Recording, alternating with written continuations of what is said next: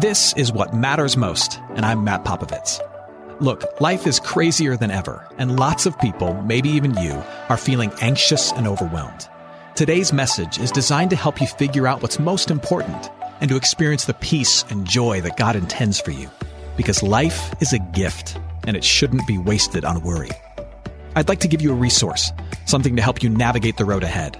Just go to mattpopovits.com, click on the icon, and we'll send it to you. That's Matt, P-O-P-O-V-I-T-S dot com. And hey, if you happen to live in the Houston area, I'd love to see you on a Sunday morning at St. Mark in Spring Branch. Head to stmarkhouston.org to plan your visit. Here's today's message. Thanks for listening. And today we're going to talk something that, um, that maybe you don't want to talk about, but is an issue in all of our lives. Today we're going to talk about judgment.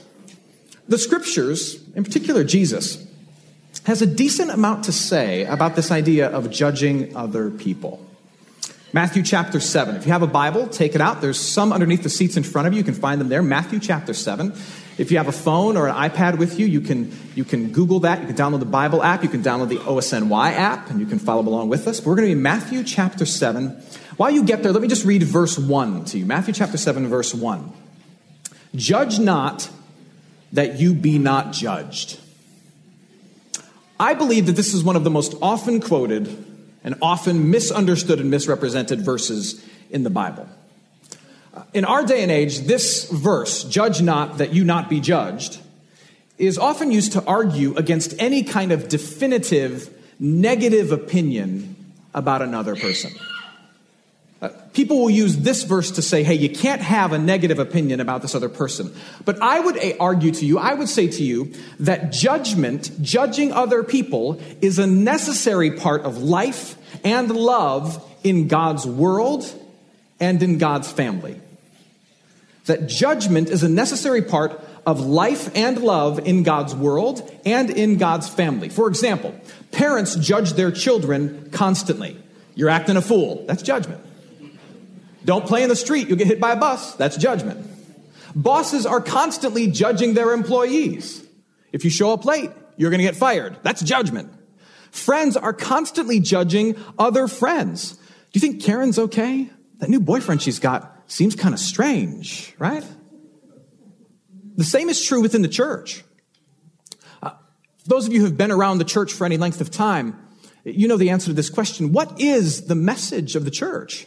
The message that Jesus came into this world bearing and gave to his disciples, the message is this, repent, the kingdom of God is near. Repent, the thing that you love, you love too much, and it can't give to you what you want from it. But Christ has come. The kingdom has come. And Christ loves you and Christ will rescue you. Christ is here. It's a message that requires us as people who share that message. It requires us to examine others. It requires us to form an opinion of others so that we might speak appropriate truth to others. Let me say this to you. A refusal to judge is a refusal to take serious your call to love your neighbor. A refusal to judge is a refusal to take serious your call to love your neighbor because in order to love them, I have to look at their life, discern what they need, make a judgment, and then seek to offer love to them. Now you might rightly say, but Matt, I've got a verse that says the opposite. It says, judge not, lest you not be judged, lest you be judged. How do we reconcile those two things? You just told me that judgment is a necessary part of life and love in God's world. It's part of even loving my neighbor. How do you reconcile that with Jesus' words? Good question. Let me answer. The context of this phrase from Jesus tells us a lot.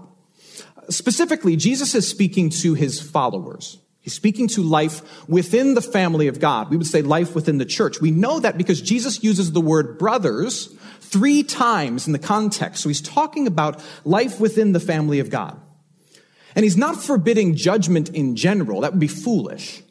Instead, as we read the rest, what we're going to see is that Jesus is, Jesus is calling us out on hypocritical, arrogant judgment within the church. Jesus is calling out judgment among Christians that is loaded with hypocrisy and a lack of self-awareness. A story is told of a powerful Wall Street executive This powerful Wall Street executive started dating a well known actress. And for months, they were seen around the city at events and dinners and movie openings. And he decided, this Wall Street executive decided that he wanted to marry her. But being a successful businessman, he had a lot at stake in his mind, so he hired a private detective. He hired a private detective to dig into her past, to dig into her relationships, and make sure that she was safe for him to marry. Couple weeks later, he received the report from the detective, and the detective said this The woman has an excellent reputation. Her past is spotless, but there is one hint of scandal. And the Wall Street executive leaned in closer as he read the next line. In recent months, she's been seen in the company of a very questionable businessman. we are quick to worry about the problems of others without acknowledging our own sins and our own struggles. And that's Jesus' big point here. Matthew chapter 7, now verse 3, he says this, Why do you see the speck that is in your brother's eye, but you do not notice the log that is in your own eye? Um, some commentators argue that this is Jesus being humorous here, because if you picture that, it's quite funny. Someone's got a, a speck of sawdust in their eye, you're pointing your finger at it. Meanwhile, there's a, there's a two by four sticking out of your eye about 10 feet long. Like, who are you to point at? You can't even see straight. Who are you to point the finger at me? Or how can you say to your brother, let me take the speck out of your eye when there is a log in your own eye? You hypocrite. First, take the log out of your own eye. Jesus is kind of saying this. It's crazy to point out someone else's problems when your own go unconfessed and unaddressed. It is crazy to point out someone else's problems when your own go unconfessed and unaddressed. You know that feeling you get um, when your uncle, your uncle who's never had a job for more than 13 seconds, he saddles next to you at the family party and he tries to give you career advice. And it just kind of makes you feel gross. And you think, who are you to say this to me? That's kind of what Jesus is talking about. That there is this laughable lack of self awareness now, note as we read that Jesus is not ruling out judgment completely. He's not trampling on the idea of truth and accountability in relationships. What Jesus is saying to us is this, that the path to a loving confrontation runs through personal confession and contemplation that the path, the path that I walk to lovingly confront you must first journey through personal confession and contemplation in my own life. He does want us to speak the truth to one another. He does want me to have an eye on your life and you to have an eye on my life. He wants me to think about it. He wants me to form an opinion about it. He wants me to speak. Notice he says, the second half of verse five, he says, you hypocrite, first take the log out of your own eye and then what? You will see clearly to take the speck out of your brother's eye. What's the implication here? You should attempt to take the speck out of your brother's eye, but there's a step first. Personal confession and contemplation. In the family of Jesus Christ, we earn the right to speak truth to one another by first speaking truth to ourselves. We earn the right to speak truth to one another by first speaking truth to ourselves. Think back to the last time you tried to point out the speck in somebody else's eye. How well was it received? If it wasn't received well, maybe, and this may not be the case, sometimes no matter how loving and, and, and humble you are, people will simply not receive truth from you. Okay? But perhaps there was, in the receiver of that truth, a perceived lack of self awareness in you, or a lack of humility in you. Maybe. Now, you might be wondering this. Okay, Pastor Matt, I'm following with you. So here's what this means. As long as I'm humble, I can lay down the hammer of truth on other people.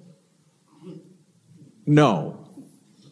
Um, I think that so often when we, we confront another person, the issue is not that we say too much. I think the issue is that we say too little. We may speak a lot of truth. Hey, you need to get your life together. You need to figure this out. This part of your life is, is wrong. This part of your life is out of step with God's will. We speak a lot of truth, but there's an element we leave out. We leave out love. Or some of us, we speak a lot of love. Man, I feel you. I accept you. I'm not running away from you. But we leave out any truth at all. Truth without love is oppressive and can lead to abuse. Love without truth is enabling and can lead to atrophy. Atrophy is when your muscles go unchallenged by activity and they get weak. Speaking of the Oscars, my favorite movie this year was uh, Whiplash. If you haven't seen it, it's fantastic. Uh, it's about this abusive band director named Terrence Fletcher. And he has this great line in the movie that's very telling about his view of the world. He says, There are no two words in the English language more harmful than good job.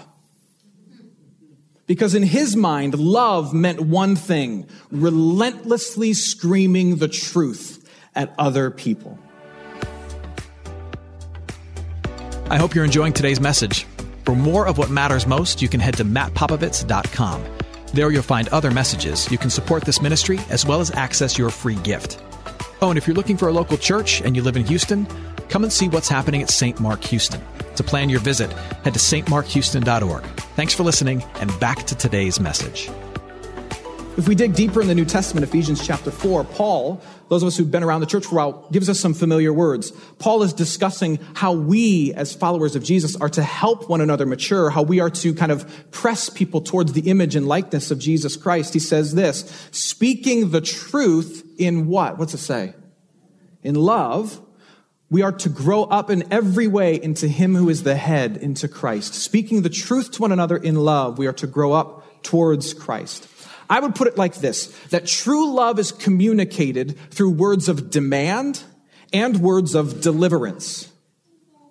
True love in the family of God is communicated through words of demand and words of deliverance. A word of demand is this. Here's what's expected of you. Here's what's best for you. Here's what's going wrong in your life. Here's what I'm concerned about for you. Those are words of demand. Um, Christians might say words of law. But we also must give words of deliverance. Here's the truth, but I accept you. I'm here with you. I'm going to help you. I love you. I'm not going anywhere. Words of demand and words of deliverance. Most of us have one word that tends to be dominant when we confront others. Which one is it for you? For me, it's a word of deliverance. It's the love part. I have an empathetic heart, and the temptation for me is to just pour out love and really stop short on any truth, to just tell people, it's okay. It's okay. It's going to be fine. And yet, Jesus, through these words in Matthew chapter 7, verses 1 through 5, he says that he wants his people, his church, to be a church that has both strength of conviction and depth of compassion. Strength of conviction and depth of compassion. And when we do that, what happens is something interesting. We are, we are mimicking and mirroring in how we deal with one another the way God deals with each of us. In current culture, we don't like to say this. We don't like the idea of judgment. But here's what the Christian faith teaches us. The Christian faith teaches us that our God is a God of judgment. God, by virtue of his perfection and his holiness and his position over all of creation, he's a God of judgment. He has an opinion about everything, and it's perfect. And in his holiness, he has the right to hold all of us accountable to how far we fall from his holiness. And it's his opinion of you and of me that matters most. I'm a baseball fan, and so I'm itching for baseball to start. And uh, the other day, I thought of this, this famous story uh, about Babe Ruth. There was an umpire whose name was also Babe. Apparently, there's a popular name around the turn of the century, named Babe Pinelli.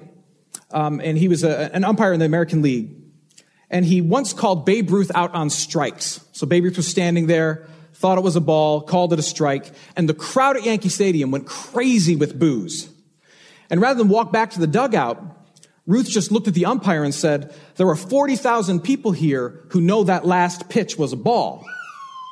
And thinking that Babe Ruth would be ejected for talking back to the umpire, all the coaches and players, they kind of ready themselves for a fight. But Babe Pinelli, the umpire, just looked at Ruth and very calmly said, That may be the case, but on this field, my opinion is the only one that counts. That's kind of how judgment works with God. You can judge yourself one way, others can judge you another way, but the one that matters the most is God's opinion of you. And, and, if you're here and you don't know where you stand with God because maybe you're new to Christianity, you're just checking this thing out, that can be, and perhaps should be, a very frightening thought.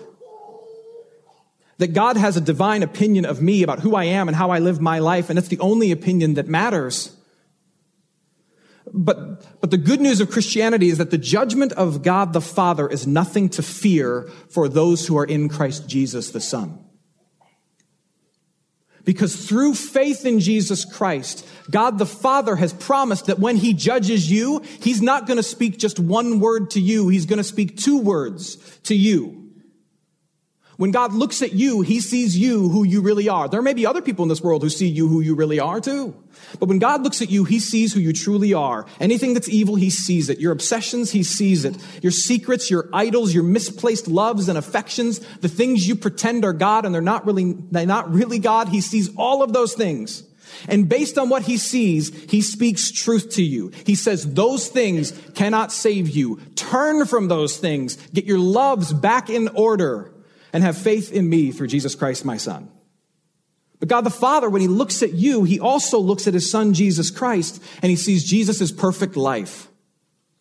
He looks at you and he sees Jesus Christ's sacrificial death and he sees that all that Jesus was and is has been credited to you, gifted to you in your baptism, wrapped around you, so that now when God the Father looks at you, he speaks another word to you. He speaks a word of love to you. He says, all that I spoke about truth is true of you, but I love you, I accept you, I forgive you, I free you. You are my daughter. You are my son, and I am not letting go of you. He speaks a word of demand. I'm holy. You're not. That's a problem. But a word of deliverance. I have sent Christ, who has been the person you cannot be, to give you a love you don't deserve, and you are free. You are loved as you are, not as you should be. God the Father comes to you, yes, with judgment, but he speaks two words to you. He speaks a word of truth and a word of love, a word of demand and a word of deliverance, a word of conviction, but ultimately a word of liberation. And if you grew up in the church, maybe you're sitting here and all you ever heard, for whatever reason, were those words of demand. Do this, memorize this, behave like this. And Jesus is here to set you free, to also speak a word of deliverance. He loves you.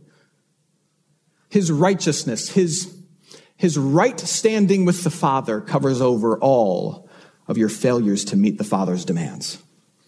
Or maybe you grew up in a world where all you ever heard was that God loves you, and that's a good thing, and that God forgives you, and that's a great thing. But there's part of you saying, Forgave me for what?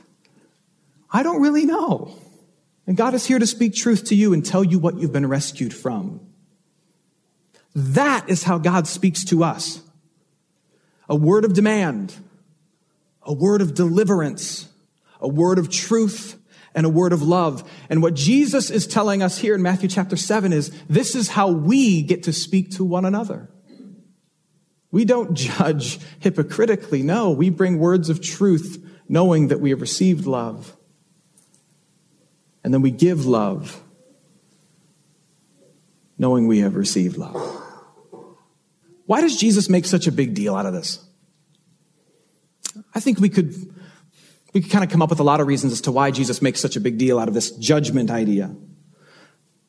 Who cares if the church is filled with hypocritical jerks? I mean, Jesus loves us. I think there's a couple reasons. One, I think it's a bad witness when we're hypocritical jerks to one another. It doesn't make us look good doesn't help us spread the message of Jesus. I also think it's because the church, the family of God, is meant to be a safe and transformative community.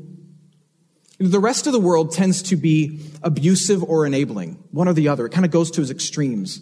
Communities either tend to be oppressive in their demands of one another, or they completely enable whatever dysfunction is happening in the lives of one another. But this, the community of God through the grace of Jesus Christ, is meant to be a place where where we can be truthfully confronted yet unconditionally accepted because of Jesus. Truthfully confronted yet unconditionally accepted because of Jesus. And if you stop and think about it, you realize how rare that is. How truly rare that is.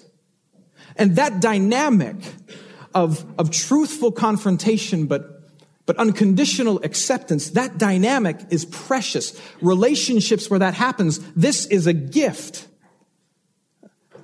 Verse 6. Let me read these words to you. These words, I'll just warn you, might sound confusing at first, but I'm going to to explain them. Jesus says this. After the teaching on judgment, he ends with this, which has confused people throughout the years at times. He says, Do not give dogs what is holy, and do not throw your pearls before pigs, lest they trample them underfoot and turn to attack you. Now, this can seem strange.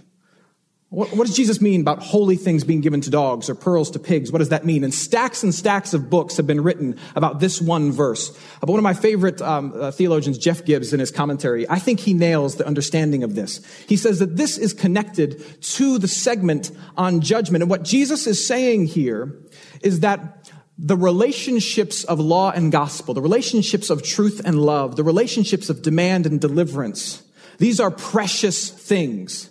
The community where we can speak truth and also receive love is an incredible gift. It's a holy thing, a valuable thing. Don't destroy it by acting in blind arrogance. Don't, don't overlook its power by simply enabling the dysfunction in other people. Protect it by first, first admitting your brokenness before you approach someone about theirs. And make use of it by not shying from the truth, but speaking the truth with love. Do you know how holy this dynamic is? How divine this dynamic is? How precious it is? Don't throw it away like throwing pearls to swine, but protect it. When you witness something in the life of something else and you feel the need to speak up, that's a good thing. It's a good thing. It's not an easy thing, but it's an important thing. It's also an incredibly serious thing. So don't simply accost them with your truth. Don't simply tell them off. First, fold your hands.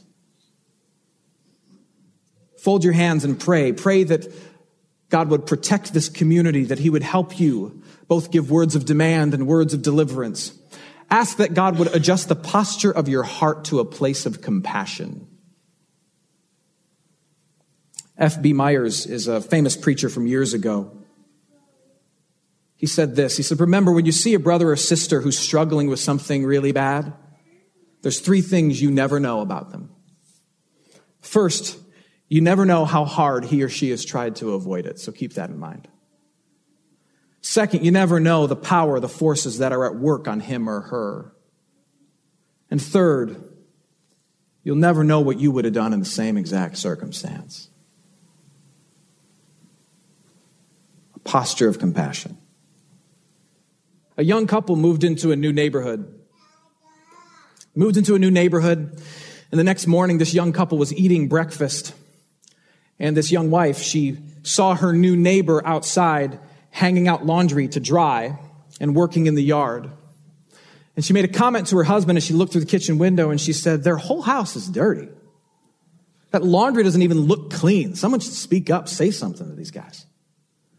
The husband looked on, he stayed quiet, and this repeated itself for several mornings. They'd stand by the kitchen table, eat their cereal, stare outside, and she would remark how dingy the other woman's house was. About a month later, the young woman was eating breakfast, standing by the table, eating her cereal, and she was surprised because she looked and she saw that her neighbor's house looked different. And she said to her husband, Look at that, she cleaned things up. I wonder what happened. And the husband looked at her and said, I got up early and I washed our windows.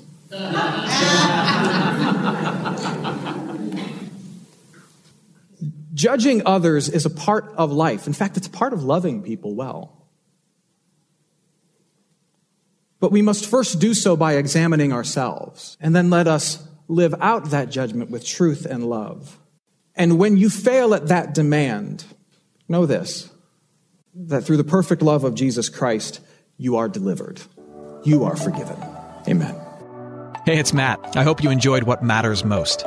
Here's what I need you to know life is a gift, and it shouldn't be wasted on worry. I want to help you figure out what's most important and to experience the peace and joy that God intends for you. So, for more content, you can head to mattpopovits.com. That's Matt, P O P O V I T S.com. There, you can also support this ministry as well as access your free resource, a little something to help you navigate the road ahead. I'd also love to see you on a Sunday morning. If you're in the Houston area, head to stmarkhouston.org to plan your visit. In the meantime, hit me up on Instagram at mpopovits or at facebook.com slash Ministries. Thanks for listening. Now go and hold tight to what matters most.